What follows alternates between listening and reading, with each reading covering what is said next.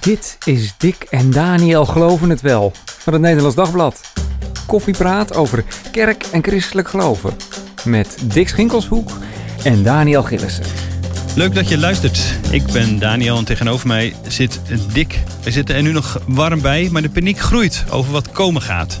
Door de extreem hoge energierekeningen. Hoe zitten we er deze winter bij? Wordt het uh, koud in onze voeten?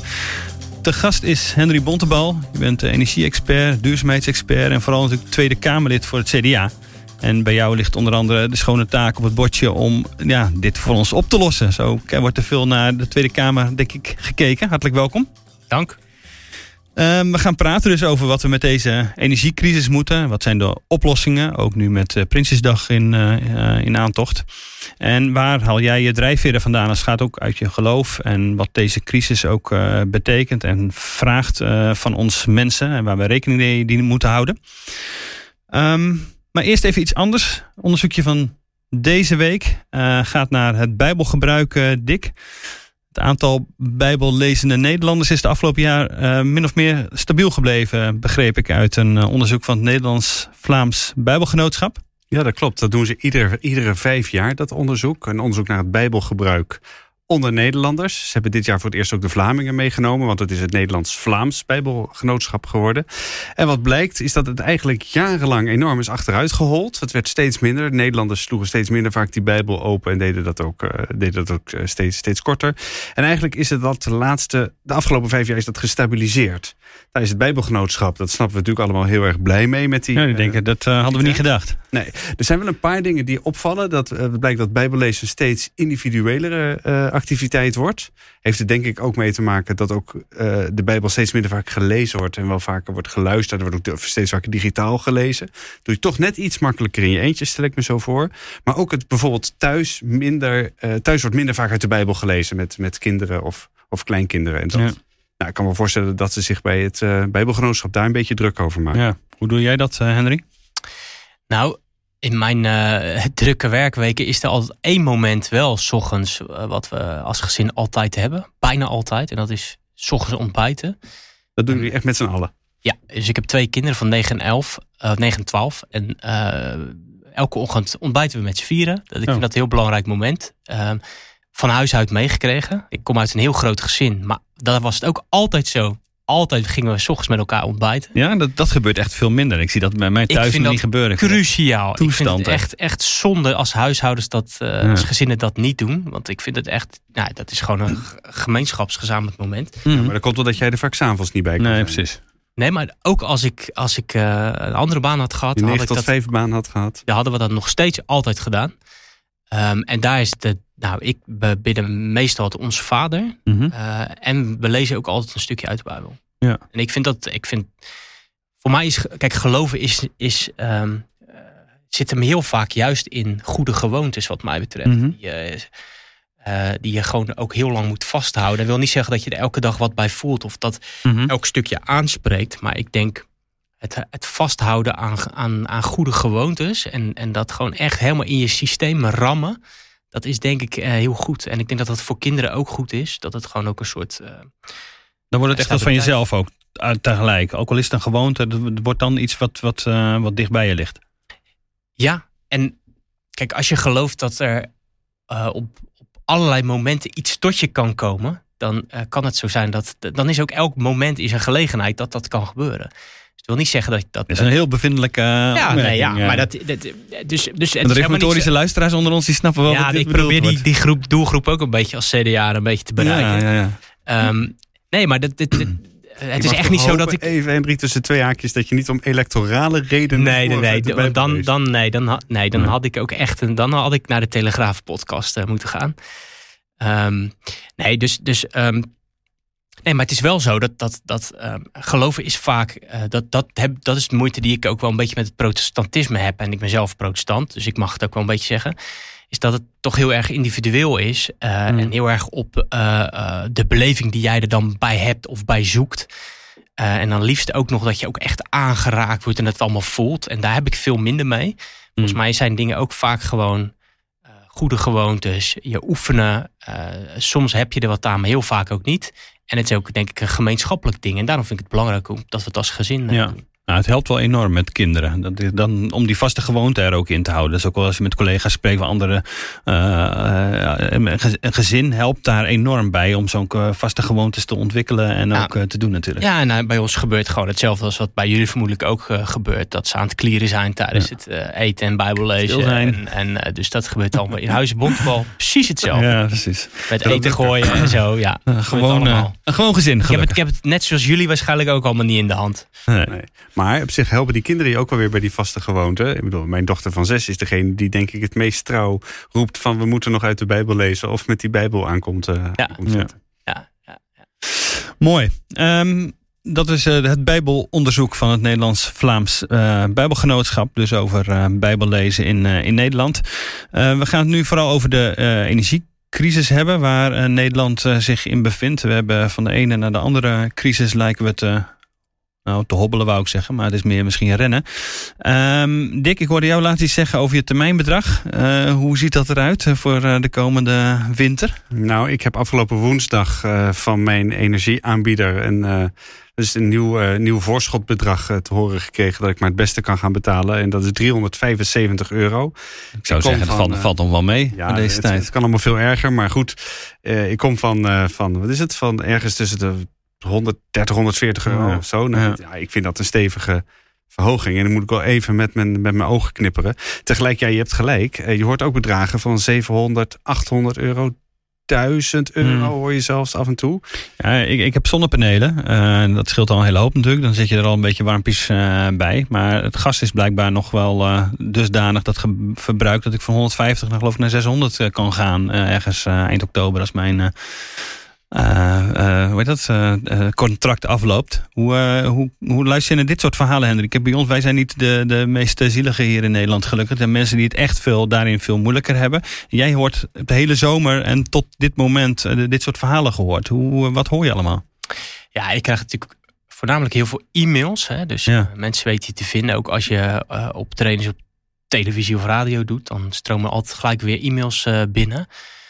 En ja, daar zitten hele schrijnende verhalen tussen. Ook hele verschillen, moet ik eerlijk zeggen. Dus sommige mensen die, uh, ja, die klagen dan over het feit dat ze iets minder voor de, uh, de, zonne, zeg maar de stroom uit zonnepanelen oh, krijgen. Dan denk ik wel een beetje, ja, weet je.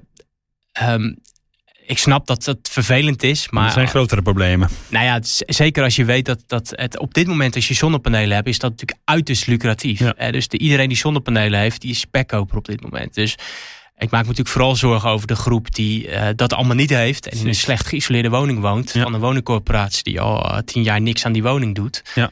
Uh, en dan heb je ook nog van die een, alleenstaande moeders ertussen zitten. Of mensen die bij een vierde energieleverancier komen, vandaan komen. Dus ja, een heel hoog bedrag. Hè? Ja. ja, en dat zijn natuurlijk zulke treurige gevallen. Ik, ik heb me bijvoorbeeld de afgelopen weken druk gemaakt over een mevrouw die, ja, die is echt heel ernstig ziek. En die, en die uh, gebruikt thuis zuurstofapparatuur. 24 hmm. uur per dag. Ja, die gebruikt ik dacht 4.000, 5.000 kilowattuur extra per jaar vanwege die, dat zuurstofapparaat. Ja, dat is ook niet de meest zuinige apparaten. Nee, nee, nee. ja. En ik, ik ben dan zo gek om dan op in het weekend uh, helemaal in de specs te duiken van zo'n zuurstofapparaat. Om te snappen van nou, hoeveel vermogen trekt nou zo'n ding. En kan het inderdaad zo zijn dat, dat die 4.000, 5.000 kilowattuur echt het, het, effect daarvan is. Ja. dat is dus zo. Gigantisch. Nou ja, schriftelijke vragen gesteld. Want de zorgverzekeraar vergoedt die kosten niet. Dus die mevrouw die, die, die, die mailt letterlijk aan mij. Moet ik dan nu de stekker eruit trekken? Ja. Ja, dat soort uh, mailtjes zitten natuurlijk ook. En dat gaat onder je huid zitten. Ja. Maar ja, ik probeer dan altijd. Kijk, ik wil niet een, een, een de categorie emo-politicus zijn. die dan emotie gebruikt om. om ja, dus ik, het, het, het, raakt mij, maar dan denk ik altijd van: oké, okay, uh, dat, dat motiveert. Maar nu moet ik gaan nadenken. Hè? Dus ik ga dan wel altijd in de, in de ratio kruip ik dan om te denken van oké, maar wat kan ik nu doen? Met wie, welke partij kan ik schakelen? Wat is een beste oplossing? Wie kan mm ik, welk touwtje kan ik trekken? Ja, dat, dat helpt mij, omdat ik dan denk, oké, dan kan ik in ieder geval proberen om iets van betekenis te zijn. Ja, ja. maar wat kun je tegelijkertijd de frustratie dat, dat het natuurlijk heel vaak lukt, niet lukt om iets dan helemaal op te lossen. Ja. ja. Want je, je hoort dan inderdaad die bedragen, 800, 900, 1000 euro. Ja. Uh, wat denk je als je dat soort bedragen hoort? Want dat is nog weer een stuk hoger dan, die, uh, dan die kleine 400 Ja, ik krijg soms van die. Van, uh, gisteren nog een e-mail van een meneer die mailde voor zijn dochter, uh, alleenstaande moeder. En dat, die, die was van 200 naar 1200 per maand gegaan. Maar wat doet hij dan? Ik bedoel... Nee, dat is dus de eerste vraag. Ik ga dan niet, niet gelijk alleen maar meehuilen of zeg ik los het voor u op. Ik, ik stel dan wel de vraag van, maar zou ik daar wat meer details van mogen krijgen? Welke energieleverancier is het? Uh, want er gebeuren ook gewoon hele gekke dingen op de energiemarkt. Hè? Dus ik blijf mijn eigen energierekening in de gaten houden. Ik vraag ook aan mensen om me heen wat tref jij aan? dus ik heb uh, recent nog op social media uitgevraagd: jongens, mail me al je tarieven.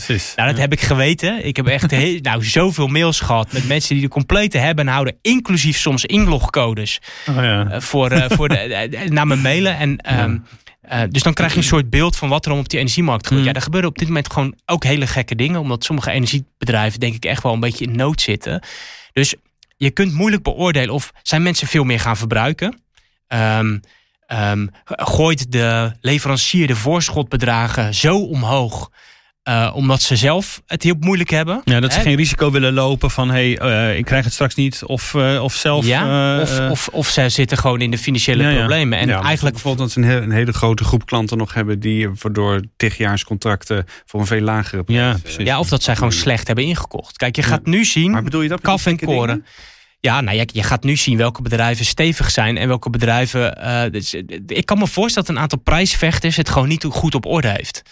En, en je gaat nu hele grote verschillen ook in tarieven zien. Dus je ziet, uh, als ik mijn tarieven vergelijk met uh, een ander, dan zie je daar echt forse verschillen die een paar jaar geleden, twee jaar geleden, echt niet voorkwamen dus ik zat gisteren uh, in het debat naast uh, collega, uh, mijn CU-collega Pieter Grimwis.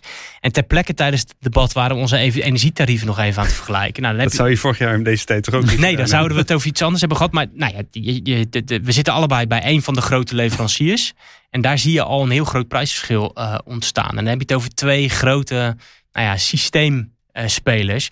En ik zie ook gewoon de prijsvechters waar ook hele gekke dingen gebeuren. Dus het kan zijn dat zij financieel het heel moeilijk hebben. En dus de voorschotbedragen omhoog. Eigenlijk gewoon om de klant te gebruiken als bank. En want dat is wat ze doen.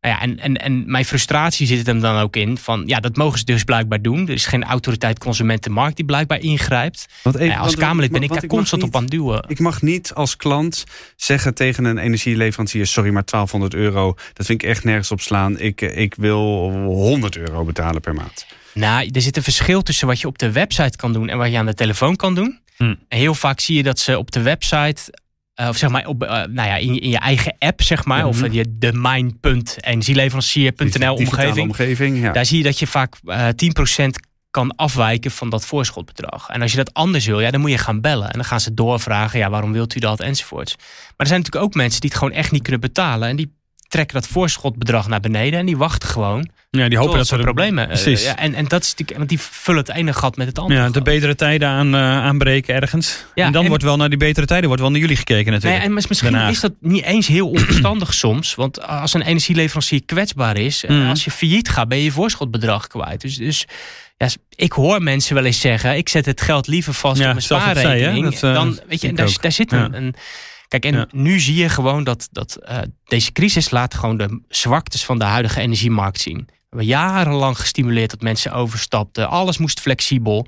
En nu zie je dat, we, dat de mensen die het vaakst zijn overgestapt, die het meest hebben geprofiteerd van die welkomstbonussen, uh, elk jaar overstappen, lekker naar een prijs vechten, die hebben het nu het allermoeilijkst.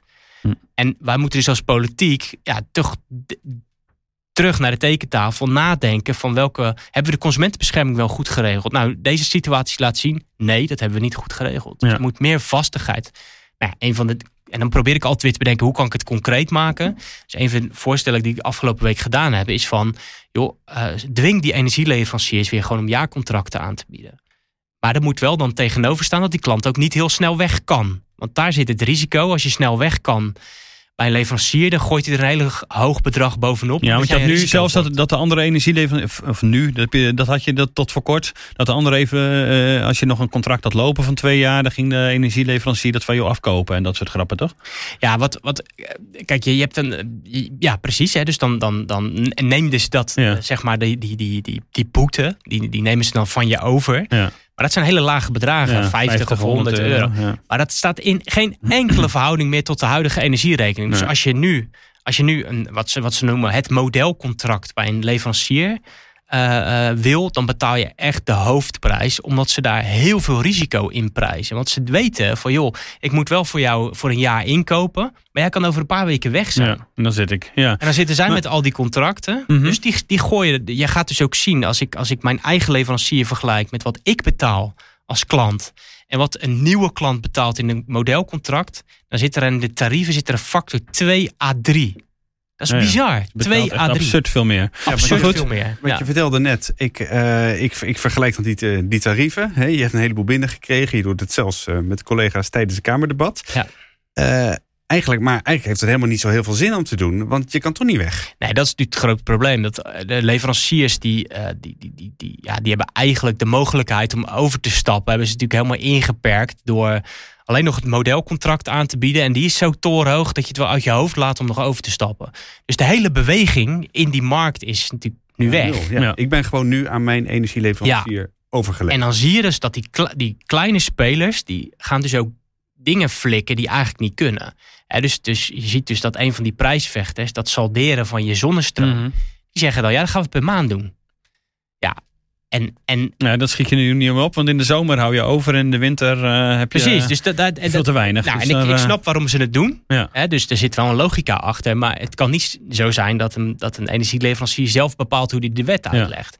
En, maar, nee, want salderen gaat normaal per, en dat is dus gewoon het, uh, het aftrekken, precies, gaat per jaar. Hè. Je, je, hebt een bepaalde opbrengst met je zonnepanelen en dan wordt uh, je eigen gebruik van afgetrokken. Soms hou je wat over, soms heb je het weinig en dan uh, wordt dat verrekend. Maar je ziet dus ook dat sommige leveranciers dus dat teruglevertarief, dus als je meer stroom produceert en jezelf verbruikt, dan hou je altijd iets over en dat krijg je daar, daar het teruglevertarief voor.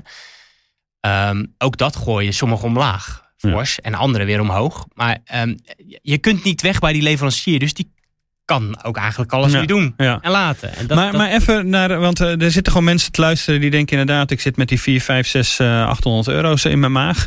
Uh, wat gaat er met Prinsjesdag gebeuren? Nou, dat gaan wij allemaal zien. Um, kijk, mijn. Uh, nou, jij weet het al een beetje natuurlijk. Nou, ik weet het een beetje. En, dan, en, en ik zit natuurlijk vooral in het energiedossier. Dus ik denk dat ik een beetje weet wat daar gaat gebeuren. Um, Kijk, mijn, mijn partijleden heeft nog niet zo lang geleden een uh, stevig interview gegeven in een krant. Um, en, en in de, over Wopke Hoekstra en zeker, En in, het, in de berichtgeving ging het natuurlijk maar over één ding. Namelijk is het stikstoel van 2030 heilig. Maar hij heeft namelijk iets, iets anders belangrijks gezegd. En dat is dat hij zei dat hij, dat hij uh, ging knokken voor het hele thema bestaanszekerheid en de koopkracht. En dat hij daar minstens een pakket van 10 miljard wilde hebben. Om, om ja, gewoon huishoudens die het niet kunnen, mhm. kunnen, kunnen dragen, om, die, om de lasten daarvan te verlichten. Dus ik verwacht dat er een heel fors koopkrachtpakket komt. Waarbij gewoon het principe, de sterkste schouders dragen de zwaarste lasten. Dat ga je daarin terugzien. Dus daar moeten we even op wachten. Maar ik denk wel echt dat we een aantal uh, verschuivingen gaan zien. En ook een aantal taboes wel worden doorbroken. En dat vind ik heel goed dat dit kabinet dat doet. Hoe ben je wat dat betreft hoopvol voor de komende winter? Ja. het inderdaad niet koud krijgen? Door de... Kijk, ehm, volgens mij is het vooral nu een financiële kwestie. Hè? Dus het, ehm, mensen gaan niet afgesloten worden. Hè? Dus dat, dat, dat, dat geloof ik niet.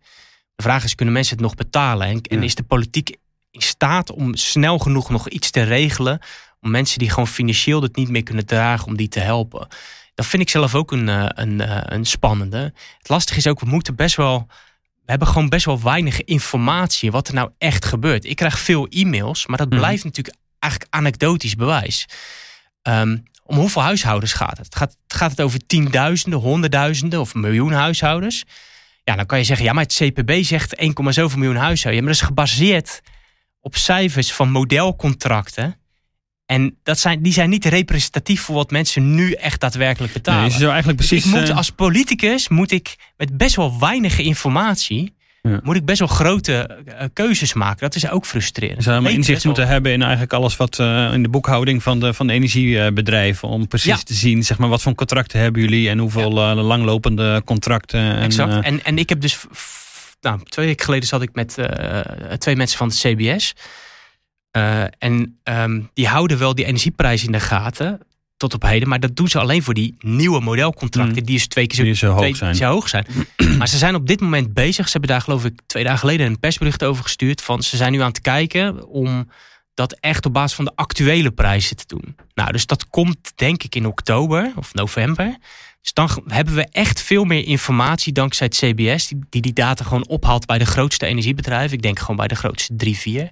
Dan gaan we veel beter zicht krijgen op wat de wat de prijzen hmm. echt in de energiemarkt gaan zijn. Dat helpt heel erg. Zijn dit een beetje wat je nu zegt, de geruststellende woorden die uh, waar Gertjan Segers uh, vandaag, we nemen dit op vrijdag op in de Volkskrant en ook uh, op de site van het Nederlands Dagblad zegt in een interview van het ontbreekt aan geruststellende woorden van het kabinet. Ja. En er moet echt iets gebeuren. Hè. Pleit voor een vaste belastingteruggave op de energierekening voor iedereen nog dit jaar, want dat is natuurlijk ook waar het kabinet over had volgend jaar. Dit jaar doen we niks meer. Hij zegt er moet echt wat gebeuren, want op dit moment gaat dat niet niet, niet goed. Hoe, hoe las jij dat interview? Ja, ik, voor mij klinkt het niet als, als iets nieuws. Maar misschien is dat omdat wij zo in die, die Haagse werkelijkheid zitten. Maar dit is wat iedereen wil. En dus dus uh, uh, het is niet zo dat de oppositie dit graag wil regelen. En dat de coalitie zegt, nou nee, dat vinden we niet belangrijk. Nee, Die, die, coalitie is net zo goed. Uh, heel erg repareren. Ja, ja. Wij, krijgen allemaal die e-mails binnen. Alleen kijk, wij, wij hebben een iets andere positie dan oppositiepartijen. Kijk, bij, aan ons wordt steeds gevraagd, ja, hoe ga je het dan doen? dus een voorstel doen in de Kamer van, nou, het kan zo, is vrij makkelijk gedaan. dat, dat vind ik. Eh, we hadden gisteravond een pittig debat met Rob Jette, minister Jette, over ook dit verhaal het is makkelijk om snel een voorstel te doen en dan te presenteren alsof dat de oplossing is. Ik vind dat zelf een beetje te makkelijk. Ik vind dat je dan ook even moet uitwerken of die oplossing kan. Nou, dat, die kritiek heb ik gisteravond ook geleverd op het GroenLinks PvdA-voorstel.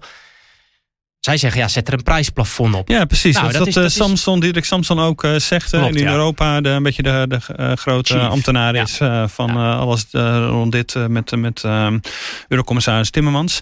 Die zegt inderdaad van hou die energierekening betaalbaar door de eerste 1500 kilowatt stroom en de 1000 kub gas te compenseren. Hou dat bedrag laag. Dat klinkt eigenlijk heel... Klein voor de kleingebruiker, zeg maar. Het klinkt voor mij heel simpel. Ik dacht ook van dat is hem toch gewoon. Want ik bedoel, dat hele 140 miljard in Europa, echt van die absurde bedragen afromen en weer terug via Belastingdienst naar mensen. Alsjeblieft. niet via de Belastingdienst. is natuurlijk het eerste wat mensen denken. Nee, dus, dus, dus, hou het simpel. En, en zijn er trouwens ook er zijn mensen die een vast contract hebben. Uh, ja, waarom zou die hoeven geen BTW terug te hebben? Want die, die, die, hebben al een laag bedrag. Dus waarom, ja, over het laatste, is dit niet gewoon de oplossing? Nou, de, um, um, of het een oplossing is, weten we eigenlijk nog niet. Um, dus ik heb gisteren inderdaad in het debat ook gezegd... mijn eerste zin was... ik vind het hartstikke goed dat partijen die voorstellen doen... en daar moeten we serieus naar kijken. Maar mijn kritiek zat op dat ik vind dat ze het dan niet goed genoeg hebben uitgewerkt. Ik, ik, vind, want ik zie ook dan op, op, op, op Twitter zie ik uh, Jesse Klaver tweets plaatsen van, van, uh, van nou dit kan allemaal en uh, vul even je bedrag en dan kan je zien hoeveel je kan verdienen. Waar, waarbij ik dan eerst denk, ja nou, nou vertel je mensen dat het dat het kan. En je wekt eigenlijk de suggestie dat, dat als het kan, dus de rest wil niet. Dat vind ik al een beetje een nare suggestie. Hmm. En het tweede is, het bedrag wat hij berekent is op basis van de modelcontracten. Maar dat is dus niet wat die mensen betalen. De meeste mensen betalen geen, op dit moment niet het tarief van het modelcontract. Dus hmm. je spiegelt mensen ook nog eens een veel te hoog bedrag voor. Dat vind ik eigenlijk een beetje... Ja, is bangmakerij ook bedoel Ja, ik vind het smakeloos, dit soort politiek. Dat, ik hou daar gewoon niet van. Het kan nog steeds zijn dat dat voorstel wel kan werken. Uh, want op dit moment is er gewoon niet een route denkbaar die niet ook tot nadelen leidt. Dus je moet gewoon accepteren in deze energiecrisis. Alles wat je voorstelt, daar, daar zitten gewoon grote nadelen aan. De vraag is gewoon wegen de enorme nadelen die er zijn op tegen de voordelen die er aantoonbaar ook zijn. Dus er zijn een paar routes. Nou, ik heb zelf steeds gezegd, kijk naar die belastingvermindering energiebelasting. Dat is één bedrag op de energierekening. Die zou je dit jaar nog kunnen ophogen. Dat is denk ik ook wat Gert-Jan Segers bedoelt. Alleen de Belastingdienst vertelt mij steeds, dit kan niet. Nee. Dat zegt uh, Segers, heb ik ook een paar keer op Twitter ja, zien zeggen. Maar dan moet je als politicus heel erg uitkijken. Want ik, ik kan heel makkelijk zeggen, van, uh, nou dat, dat kan wel. Of uh, in coronatijd, ja het moet toch, in coronatijd kon het ook. Dat is ook gevaarlijk. Dat heeft de politiek de afgelopen tien jaar te vaak gezegd. Waardoor hmm. we ook in een toeslagenaffaire terechtkomen. Want alles moest met toeslagen en alles. En iedereen moest, moest tot in detail geholpen worden. Hè. Dus ik wil dus ook niet verantwoordelijk zijn voor een systeem wat de boel ook weer uh, in de sloot maakt. Nee, dus, ik, dus als, als, als men zegt het kan niet, nou dan heb ik de plicht om te vragen kan het echt niet? En dan zeggen ze nog een keer nee. En als ik dan vraag ik het toch nog een keer. En als ze dan toch nog weer een keer nee zeggen, ja, dan moet ik ook op een gegeven moment afgaan op de expertise van uh, zo'n club. Um, Dus die route, ja, misschien kan het. Ik denk het niet. Omdat Nee, belasting, nog even die en belasting, er twee. En dan- En nog toch even voor die belasting, want dat is toch wel een. Dan profiteren ook degene met een eh, vast contract. Ja. Profiteren daarvan. ja, en dan is mijn hele simpele Dat is eh, toch een- antwoord. Dat, dat het grootste deel van de mensen loopt al uit zijn vaste contract. En ja, er zijn dus mensen met een vast contract die ervan profiteren. En dat is dan de collateral damage. Dat accepteer je dan. Hm. Dat is dan het nadeel. Maar hij is in die zin vrij simpel uitvoerbaar. Ja, precies. Kijk, het Maar- voordeel maar is... Nog even toch dat, dat Samson PvdA GroenLinks eh, idee. Eh, Is dat dan nog eentje die, die ook nog kan? Of is, eh, zeg je Nou, daarvan ik is het vind toch dat gewoon dus- te ingewikkeld? Nou, Want je moet bij, bij private partijen moet je zoiets gaan regelen. Ja, dus, dus ehm, ik, ik vind dat het kabinet er serieus naar moet kijken. Ik, ehm, dus de, ehm, je doet een hele forse marktingreep. Want je Ja. zegt eigenlijk tegen alle bedrijven gaat dezelfde prijs rekenen. Dus je haalt eigenlijk voor dat eerste stuk energieverbruik volledig de concurrentie uit de hele markt. Ja, maar goed, maar die, Dus- was, er, maar die was er al niet meer. Dus, Dus, dat, dat, kan het tegenargument zijn. Hè? Dus van, we zitten in een noodsituatie, die markt zit op slot, dus dat is gerechtvaardigd. Maar ehm, stel nou dat jij, ehm, eh, stel dat jij, eh, eh, stel dat je bij een leverancier zit die 3 euro rekent per kuub gas en de ander rekent 2 euro en je zet het plafond op 1 euro. Dan moet leverancier 1, die moet 2 euro compensatie van de overheid krijgen en leverancier 1, 1 euro. Dat is het verschil. Ja. Hoe bepaal je dat? En je kan niet zeggen dat ga ik allemaal achteraf doen. Want die leverancier moet dat geld binnenkrijgen gewoon om overeind te blijven. Dus die, die moet voldoende Mm. liqui- liquiditeit hebben om gewoon zijn bedrijf te kunnen blijven runnen. Dus je moet als overheid wel gelijk gaan compenseren. Ja, maar Dus het afromen kun je achteraf doen, bedoel je? Dat is wat, Nou ja, kijk, eh, je moet- als het je moet- wat en dat het, is het Europese plan, hè, zeg maar. ja, maar dat is veel, eigenlijk eh, weer een ander plan. Aha. Dus, dus het- het het wordt Ah, vrij snel complex. Maar om, om, op, dit, op dit voorbeeld, zeg maar, op, deze, op deze route van de GroenLinks PvdA... Um, je moet dus wel gelijk het mechanisme bedenken... hoe je de bedrijven compenseert. Want die moeten wel voor het verschil... want zij, Mhm. zij kopen dat gas kopen zij in op een markt... waar zij ook hoge bedragen betalen.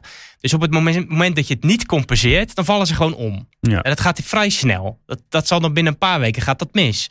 Dus je moet wel gelijk een mechanisme hebben klaarstaan... waar die bedrijven dan geholpen worden. Ja, ja. Nou, je doet zo markt. Ik voorspel je dat op het moment dat je het doet, dat die bedrijven al hun verliezen zullen afwentelen op de overheid. Want je geeft ze gewoon bijna gratis Hmm. Dus het wordt ook een enorme mm, financiële, on- ondoorzichtige, het gaat miljarden kosten. put. Ja. Ja, maar, maar, maar dat wil nog niet zeggen dat je het niet moet doen. Want je zou kunnen zeggen, er gaan misschien een paar bedrijven misbruik van maken en net iets te veel krijgen. Maar dat nadeel weegt op tegen het voordeel dat je Hmm. niet heel veel gezinnen laat zakken. Hè, dus Nee. nog steeds in crisistijd. Kijk, in normale tijden zou je het plan gelijk afschieten. In crisistijd moet je misschien zeggen. Hmm. Onconventionele maatregel heeft heel duidelijk nadelen. Maar de maatregelen die in- we in coronatijd hebben genomen, hadden dat, ook. Ja. Alleen ik vind wel dat als je zo'n plannetje de lucht in gooit, moet je verder hebben nagedacht dan alleen van nou ja, het is een leuk idee en oh ja, check even op de website hoeveel euro je kan verdienen. eh kaching. Dat, dat, dat, nou ja, dat is niet mijn stijl van. eh, Nee. Wat is dan jouw oplossing? Ja, ik vind dat dus ingewikkeld. Ik heb lange tijd gedacht dat die belastingvermindering dat dat, dat, dat Ja, nog kan. Maar ja, als de Belastingdienst zegt dat dat niet kan. Kijk, je, het is nog een derde spoor. En dus dat je zegt van de, per 1 januari 2023 kan er wel veel. Hè, want dan krijg je een nieuw belastingjaar enzovoorts. Dat kan je nog verwerken in systemen. Dus daar zou je de verlichting kunnen laten plaatsvinden. En dat je zegt, ja, dan moet ik die drie maanden moet ik zien te overbruggen. Nou, dus wat ik in, gisteren in het debat heb gezegd. Je zou ook kunnen zeggen, uh, je, spreekt, je maakt een deal met alle energiebedrijven dat ze hun voorschotbedragen uh, de laatste drie maanden verlagen. Um, zodat het betaalbaar blijft voor huishoudens. En dat je een kredietfaciliteit neerzet. Zodat ze gewoon goedkoop kunnen lenen bij de overheid om dat, om dat verschil op te halen. De vraag is natuurlijk wel dan, laat je het huishoudens daarna terugbetalen. Mm. En dat moet dan met ja. eigenlijk. Nou ja, dat, dus, maar het blijft ook een, dat is ook een noodmaatregel. En ook gewoon een rotmaatregel die, die je liever ook niet wil inzetten. Maar goed, ik vind je moet in dit soort situaties alle op, opties op tafel willen leggen. Ook de wat minder, uh, minder mooie. Ja. Dus ik schiet dat plan van VVD, van uh, PvdA en, en GroenLinks niet, uh, zeker helemaal niet af. Ik mm. denk dat we echt gewoon daar serieus naar moeten kijken. Ja, dus, en, en, dat plan, het is uh, belasting omlaag. Ja, die belastingvermindering op de energiebelasting. Precies, ja. daar zit nog een optie. En je hebt nog gewoon andere ja, want voor mijn, voor compensatiemaatregelen. Als, als energiebelastingbetaler, ja. dat is een paar honderd euro per jaar op dit moment. Hij is nu 800 zoveel ja. en dat wordt eigenlijk in stukjes geknipt per dag. Dus je, ze delen dat, leveranciers delen dat bedrag gewoon door 365 en dat, dat tellen ze gewoon in je rekening op. Dus je kunt die laatste maanden vanuit de kant van de leveranciers zou je dat bedrag kunnen ophogen. Maar ja, de, aan de andere kant zit er een partij dat, en die moet dat ook kunnen verwerken in systemen. En daarnaast, hè, nou, dus, eh, ik maak steeds onderscheid tussen dat wat je binnen de energierekening kan doen en dat wat je nog buiten kan doen. Mm. Daarbuiten zijn natuurlijk ook nog wel wat regelingen waar je naar kan kijken. Maar ook daar geldt steeds die vraag voor: is het uitvoerbaar? Nou, ik zit daar zelf minder goed in. Ja. Dus ja, daar kijken weer andere het experts. hele koopkrachtplaatje bedoel je dan? Wat je ja, op andere manieren kunt compenseren? Precies. Of uh, wordt gekeken naar, weet je, weet je ander belastingtarief of weet ik veel wat. Zorgtoeslag, kinderbijslag, eh, kindgebonden budget. Weet je, maar ook daar steeds de vraag van, kan het. Ja. er zijn ook best wel veel mensen die zeggen: ja, maar het heeft ontzettend lang geduurd voordat het kabinet met een plan kwam. En ik heb ze niet gezien, ik heb Rutte niet gezien, ik heb Kaag niet, ik heb niemand gezien. En uh, in Frankrijk gaat het al veel, veel voorspoediger. En in Nederland betalen we al veel te veel. Uh, waar, waar zijn ze? Ze zijn zo ontzettend onzichtbaar daar in Den Haag. Hoe reageer jij op dat verwijt? ik heb eerder al bij andere programma's gezegd dat ik, dat ik ze ook uh, te onzichtbaar vind. Dus, dus vertel de mensen eerlijk in welke situatie we zitten. dus dus um, de winter kan potentieel echt een nare winter worden. Met hoge energieprijzen, met bedrijven die het niet redden. Dat, dat moet je gewoon denk ik eerlijk vertellen. En als het niet zo is, als het meevalt, dan is dat fijn. En is het ook niet erg om die boodschap verteld te hebben. Maar als je hem niet verteld hebt en mensen ontdekken dan pas dat we een, een, een vervelende, nare winter hebben, dan vind ik dat. Dus het, en, en daarnaast ook, ik vind ook gewoon doe een moreel appel op de samenleving. Als ik door Rotterdam Zuid om 11 uur s'avonds rij en overal, uh, weet je, de, de, de lichte reclames uh, staan nog overal aan en de terrasverwarmers, dat, dat, dat hoeft gewoon niet. Daar, kan je, daar, daar zou je veel normerender kunnen zijn. Ik vind, ik moest even terugdenken aan, aan die autoloze zondagen van ooit. Um, volgens mij was het Flubbers of Ten L die het op de volgende manier verdedigde. Die zeiden toen van de bankdirecteur en de schoonmaakster die laten allebei de auto staan. 1973. Dat is, dat is niet zeg maar omdat dat misschien het meest effectief is, maar je doet ook een, eigenlijk een moreel appel op de samenleving, waarbij er ook een soort rechtvaardigheid is. Hè? Die bankdirecteur die had best nog kunnen betalen om op die autoloze zondag te rijden. Maar er wordt ook een vorm van solidariteit verwacht. En ik denk dat het helpt om, om daar nu al mee uh, te beginnen. Dus we zijn een beetje bang om een moreel appel op de samenleving te doen. Dus het, het kabinet dat moeten we wel doen. En is, daar het, is dit het CDA-geluid? Dan nou ja, het zit in onze naam. Dus ik vind, het, het, CDA zit in dit kabinet. Dat, je, dat je nu verwijt dat ze toch gewoon een beetje mooi weer blijven. Maar laten we gewoon wel even ook iets van dualisme erin houden. Ik, je hoeft niet alle problemen van dit kabinet op mij af te schuiven. Nou. Uh, dat is heel, heel prettig en dat gebeurt eigenlijk elke dag. Maar um, ja, er is ook gewoon zoiets als als een kabinet en een Kamer die dat controleert. Wij zitten niet op de stoel eh, van het kabinet. Dus ik maar dat een moreel appel, dat zou je wel willen eh, laten klinken. Maar op welke manier kun je dat nu vormgeven dan? Ik bedoel, eh, in een 73 kon je inderdaad die auto laten staan. En denk oké, okay, dan ben ik solidair met degene die dat niet kan betalen. Hoe kan ik nu solidair zijn? Of hoe kunnen anderen misschien nog weer solidair met, ja, met mij zijn?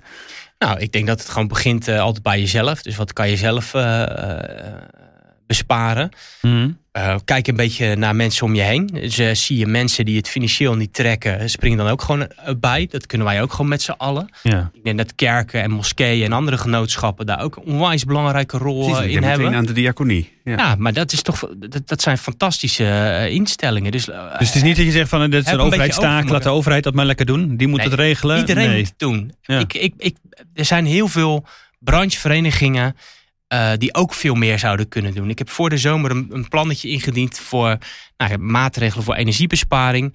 En eentje daarvan van de adviezen van mij aan Jette was ook: ga, ga nou gewoon een keer met een, met een, in, in een benen op tafel sessie met een aantal vertegenwoordigers van die brancheverenigingen zitten. En, en spreek nou gewoon eens van wat zij kunnen doen met hun branche. Pak de branche van, ik noem maar wat, de, de, de, de restaurants, de horeca. Daar kun je toch gewoon mee afspreken, jongens, het is energiecrisis. Wat gaan jullie doen Um, om deze crisis. Eh, te kunnen we iets afspreken over, over winkeldeuren die dicht zijn, over, over terrasvormers die niet aangaan enzovoort. Maar daar heb je als particulier toch niet direct wat aan? Ik bedoel, behalve dat het. Dat het, uh, het, het jawel, daar hebben we wel wat ja, aan. Want als het verbruik uh, daalt, dan wordt ook de prijs lager ja, uiteindelijk. Uiteindelijk, mm. als, als, als, als, en als je hem nog veel hoger trekt. Uh, dat beroep mogen lidstaten in Europa ook best op elkaar doen. Mm. dus, dus in Nederland hebben wij ergens tussen 20 en 30 procent aardgasreductie. Maar een deel van besparing is, een deel is gewoon verplaatsen. Namelijk dat je geen gas meer gebruikt, maar olie bijvoorbeeld. Ja. Uh, en een deel is vraagdestructie. Dus bedrijven die gewoon niet meer produceren of minder produceren. Het is wel, wel wrang dat een land als Spanje bijvoorbeeld gewoon 6% meer gas is gaan gebruiken. En dus die Europese solidariteit vind ik ook erg belangrijk. De lidstaten moeten ook elkaar gaan aanspreken op wat ze doen. 10% is de opdracht, hè? Nu vanuit Ja, in Nederland gaat het vrij makkelijk halen. Uh, andere lidstaten. Ja, en ook gewoon de kerncentrales in Duitsland komen vaak langs. Dat vind ik ook zo'n ding. Dat denk ik, ja jongens, je kunt wel heel dogmatisch dichtgooien. Toevallig, uh, ja, omdat je toevallig van de groene bent en die het niet durft te verkopen aan je achterban. Maar als je echt gewoon uh, moreel leiderschap toont, slaat je die, die kerncentrales gewoon open. Ja. Dus me geloof ik weer uh, ingetrokken inderdaad. Of tenminste dat het doorgezet wordt, besloten dat het, het sluiting doorgezet wordt. Hè? Ook uh, ondanks uh, deze Ja, dat is gewoon een ontzettend domme keuze. Ja, ja, dat, dat, en, en lidstaten mogen elkaar, de Europese Commissie mag lidstaten daar, lidstaten daar ook op, op aanspreken. Dus ik vind, dus je vraagt dat appel. Mm we, we, moeten niet verwachten dat de overheid, overheid alles oplost. Iedereen heeft toch gewoon zelf een verantwoordelijkheid. ja. Is het ook een voordeel van deze crisis dat we, je wordt wel met je neus op de feiten gedrukt dat energie inderdaad niet gratis is, uh, ja. tenminste doorgaans niet. Um, en dat in ieder geval wat, wat, wat kost dat we de als samenleving ook hyper van afhankelijk zijn uh, trouwens. En dat het dus uh, zorgt er wel voor, denk ik, dat veel meer mensen zullen nadenken hoe hoog zeg, zet ik in de kachel en ja. hoe lang laat ik mijn lichten branden.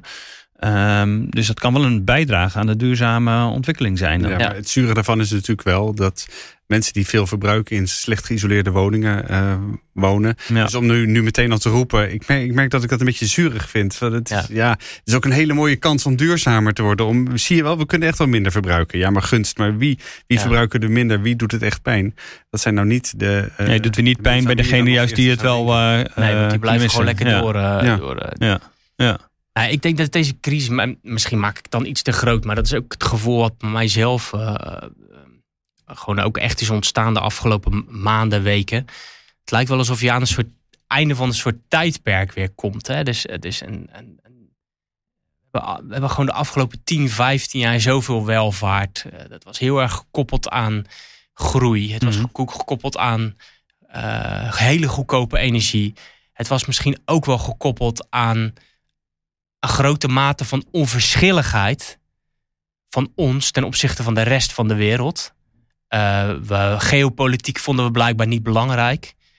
Uh, en nu worden we zo Hmm. hard geconfronteerd met het feit dat het helemaal niet vanzelfsprekend is. En dat Europa als veilige haven, dat het ook helemaal niet vanzelfsprekend is. Dat we in een, in een, in een wereld zitten waar gewoon krachten en machten zijn die eh, niet het goede altijd met mensen voor heeft. Die mensen ook Mm. verdrukt, oorlog voert en genocide Ja. pleegt. Waar wij allemaal van afhankelijk waren. Hè. Dus um, ik denk dat we naar een tijd toe gaan dat we, dat we structureel met hogere energieprijzen te maken hebben.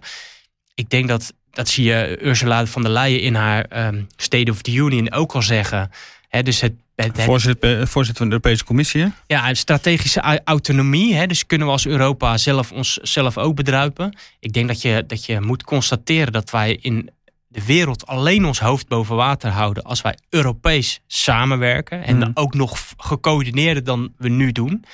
Want het gaat mis als wij ons tegen elkaar laten uitspelen. We kunnen ons alleen maar een blok vormen in de wereld als we dat samen doen. Uh, en dat het is voor Nederland misschien soms een beetje lastig, maar dit is echt, echt wat je nu ziet. Um, um, ja, dus, dus ik denk dat het ook. Ik hoop ook dat het een soort besef geeft van jongens. De wereld is niet die speeltuin die, waarvan wij altijd dachten van joh, met drie keer per week uit eten enzovoort. De wereld is ook soms een, een, moeilijke plek. En het gaat ook over geopolitiek en over moraliteit. En dat, dat, dat mag ons wat, wat, kosten. En over de energietransitie, ik denk dat het laat zien. Twee dingen. Die energietransitie is nog steeds keihard nodig. Maar het bevestigt ook de koers, wat mij betreft, die wij ingezet hebben bij het coalitieakkoord. Um, maakt het niet een elitair feestje, maar ga als eerste verdorie de woningen met een slecht energielabel bij de coöperaties aanpakken. hè. Dus Ja. ik heb zelf die moties daarover ingediend, die zijn aangenomen van faseer die woningen met E, F en G energielabels uit. Nou, Hugo de Jonge, de minister van eh, WRO, die pakt dat op en die, gaat, die heeft die, die, die Ja. afspraken gemaakt. Dus we gaan de mensen die het het slechtst hebben op dit moment als eerste helpen. Dus niet de Tesla-rijder, nee, de mensen die het meest last hebben. En dat, dat vind ik een hele goede, eh, eh, goede koers. En het tweede wat we, wat we denk ik ehm, moeten zien, is dat we hebben de energietransitie steeds beschouwd als we gaan alleen maar alle kaarten op groen inzetten. En dan hoeven we niet meer na te denken over. De. Ja, en hoeven we niet meer na te denken over leveringszekerheid. En dan hoeven we ook uh, het hele fossiele energiesysteem, daar hoeven we ook niks meer aan te doen. En wat je, wat we, waar we nu mee geconfronteerd worden. En experts wisten dat al een tijdje. Maar goed, de politiek blijkbaar niet. Je zult dat veel verstandiger moeten doen dan ruksigloos alleen maar heel veel geld pompen in zon en wind. Je moet nadenken over het totale systeem. Hoe... Ik hoor weer kernenergie. Ja, nee, maar kijk, kernenergie is gewoon niet de oplossing. Dat, ik wil, ik, dat vind ik altijd zo vervelend. De voorstanders en de tegenstanders. Hè. Dus of je bent voorstander en je bent alleen maar aan het mekkeren over kernenergie, of je bent een tegenstander. En ik, ik ben heel simpel. Kernenergie is gewoon een onderdeel van de energiemix van de toekomst. Uh, een stukje van de puzzel. Zeker niet zaligmakend. Maar een deel groen, een deel kernenergie. Misschien nog een deeltje nou ja, Ik zou zeggen kernenergie is groen. Uh, maar je hebt, je hebt, we hebben straks een energiemix denk ik met veel zon, veel wind, aardwarmte. Um, maar er zal ook gewoon een stukje kernenergie in, in zitten. En daar moeten we niet moeilijk over doen. Want het is, het is, het is gewoon uh, betaalbaar en veilig. En ja, en, maar, maar ook heb, heb tussentijds oog voor de energievoorziening die je aan het afbreken bent. Hè? Dus, dus we hebben in een tijd nog gas nodig. Dan kan je wel zeggen, ja, ik, ik verwaarloos dat. Ik denk, het, het gas wat wij uit de Noordzee halen, is schoner dan het gas wat we uit Rusland halen. Ook dat wisten we. Dus we wisten dat het Russische gas een 30% hogere klimaatvoetprint hadden. En dan toch gaat Nederland het liever ergens anders halen dan van eigen bodem. Dat is alleen al vanuit klimaatoogpunt was dat onverstandig. En maar dus, dus er zitten dogma's in dat energiebeleid die eruit moeten. En ik hoop dat, ja, misschien ben ik te veel een beta, maar meer rationele energiebeleid. En dat is niet minder ambitieus. Maar ik denk dat we juist verder komen door rationeel te zijn dan alleen maar dogmatisch en idealistisch.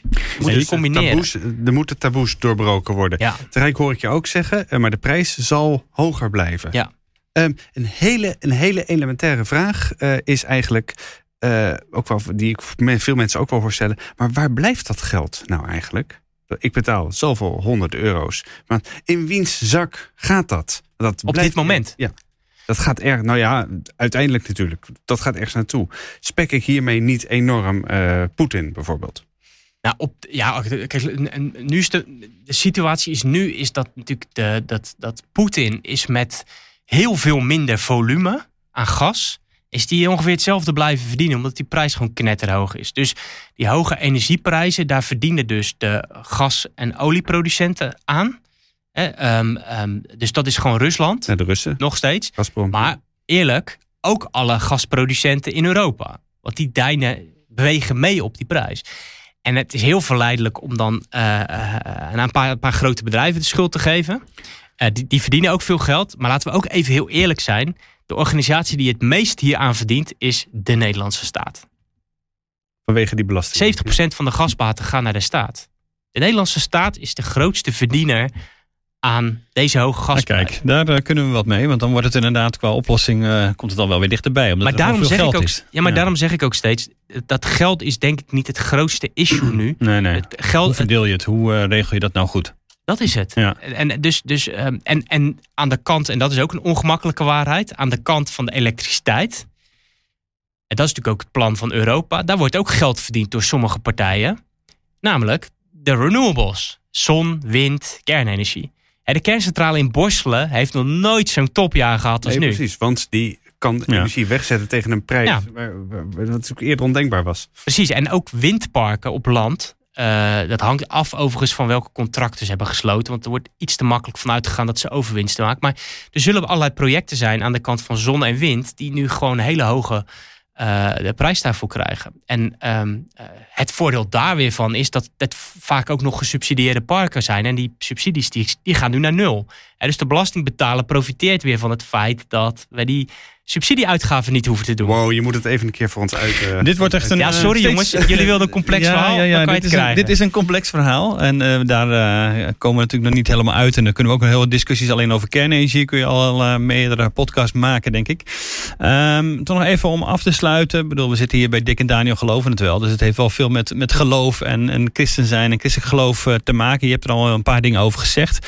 Maar hoe kijk je als als, uh, hoe, kunnen, of hoe kunnen wij als christenen kijken naar deze uh, crisis? En wat, is dat, wat, wat, wat roept, dat, uh, roept dat bij ons op? Wat, wat kunnen we daar uiteindelijk mee, denk jij, vanuit onze overtuiging?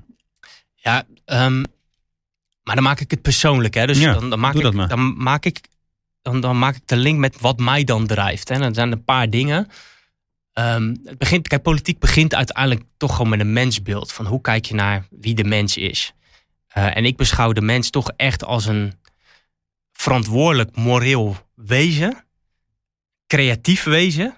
Met, die, die, die, ook heel veel verantwoordelijkheid heeft gekregen. Hè? Dus dat vind ik mooi aan het, ja, het Joodse, het Robijnse denken. Onder andere van iemand als Jonathan Sacks. Hè? Die, die echt ook zegt van... Er is een schepping en vervolgens legt God de verantwoordelijkheid van die schepping in handen van de mensen.